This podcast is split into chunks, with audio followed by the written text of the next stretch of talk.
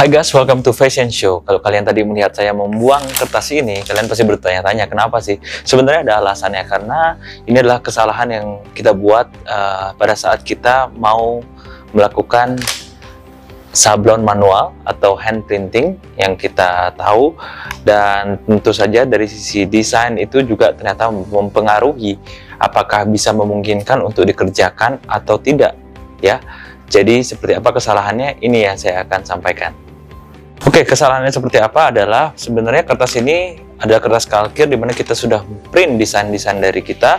Kemudian kertas inilah yang nanti akan ditransfer atau diupgrade ke dalam screen sablon manual atau hand printing.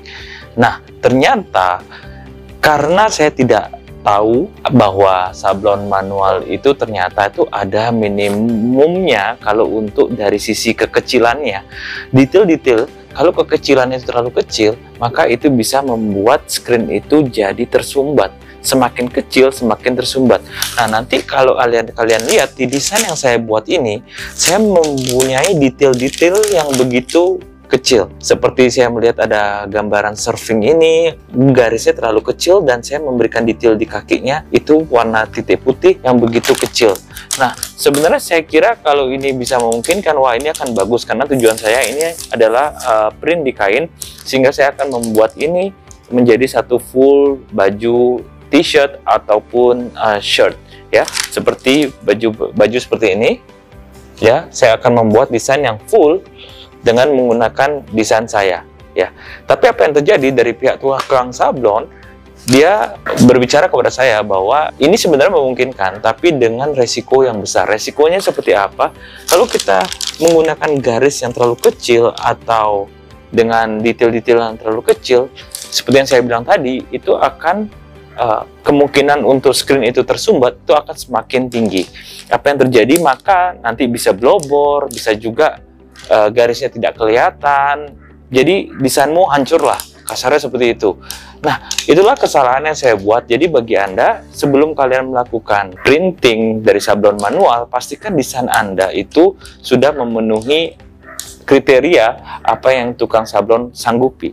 Ya misalnya kalau garis ya kalau kalian ada gambar desain yang isi garisnya at least setidaknya ketebalannya dari garis itu adalah satu milimeter. Ya kalau lebih kecil daripada itu seperti yang saya buat ini ya di mana detail itu terlalu kecil maka itu akan tidak kelihatan akan cepat tersumbat dan akhirnya nanti jadi kacau. Ya nanti kalian akan melihat contohnya nanti akan saya tunjukkan ada garis yang putus-putus ada garis yang bisa full ya dan itu akan sangat sulit untuk diservisnya jadi untuk meminimalisir kesalahan itu, maka perhatikan desain kalian supaya memenuhi kesanggupan dari tukang sablon. Garis 1 mm dan juga untuk detail kita tidak bisa menggunakan detail yang terlalu kecil ya. Harusnya detailnya itu seperti kalau kalian ada lubang sedikit itu dalam desain kalian ya seperti ini ada wajah orang ada details dari payung itu harusnya dibuat dilebarkan sedikit jadi kalau kita bisa menyesuaikan dengan kesanggupan mereka dalam sablon, pastikan desain kalian itu bersinergi dulu. Jadi kalian udah tahu, oh tukang sablon tuh sanggupnya dengan garis tebal itu dengan detail yang sebesar ini. Ya udah kalian membuat desain yang sesuai dengan apa yang mereka sanggupkan. Kecuali kalian itu go digital. Kalau digital nggak masalah harusnya, karena digital menggunakan printer. Tapi kalau menggunakan tangan atau sablon manual, maka kendala itu akan bisa terjadi. Kendalanya garisnya bisa hilang, detailnya kalian bisa hilang, atau bisa blowbor. Ya, jadi perhatikan hal itu sebelum kalian melakukan kesalahan seperti yang saya lakukan. Oke, seperti di baju ini, saya bisa membuat full print ya. Nah, ini pun juga sebenarnya ada juga detail-detail kecilnya. Cuman ini masih bisa mereka atasi dan masih mereka bisa sanggupi. Nah, kalian nanti bisa lihat detail-detail seperti apa walaupun ini pun ada sebagian sedikit yang masih kelihatannya samar-samar ya garisnya tapi overall ini bagus, bisa dikerjakan. Nah, kalian bisa menjadikan acuan. Oh, berarti detailnya harus sebesar itu maksimal. Oh, berarti garis itu harus tebal itu maksimal. Ya, baru bisa kita menyesuaikan dengan desain kita berikutnya. Oke, sebeda dengan halnya seperti ini juga, saya juga menggunakan full print ya dengan motif seperti ini.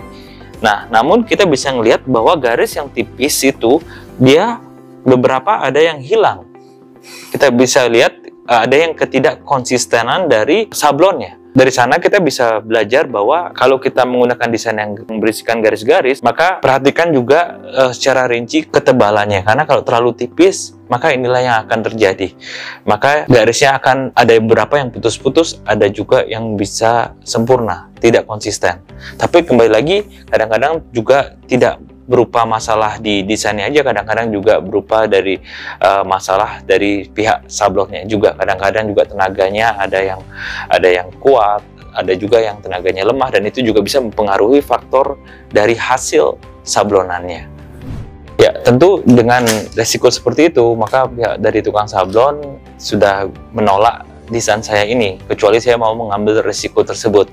Ya daripada saya mengambil resiko dan jadi gambarnya hancur blobor dan juga garisnya ada yang hilang saya mending mengubah desain saya sesuai yang mereka sanggupi. Jadi semoga tips ini bermanfaat buat kalian sebelum kalian memulai printing sablon ya sebelum kalian memulai mentransfer desain kalian ke screen printing maka ada baiknya kalian mengecek double check dulu desain Anda. Apakah ini sudah sesuai atau belum? Apakah mereka sanggup dengan desain kalian atau tidak?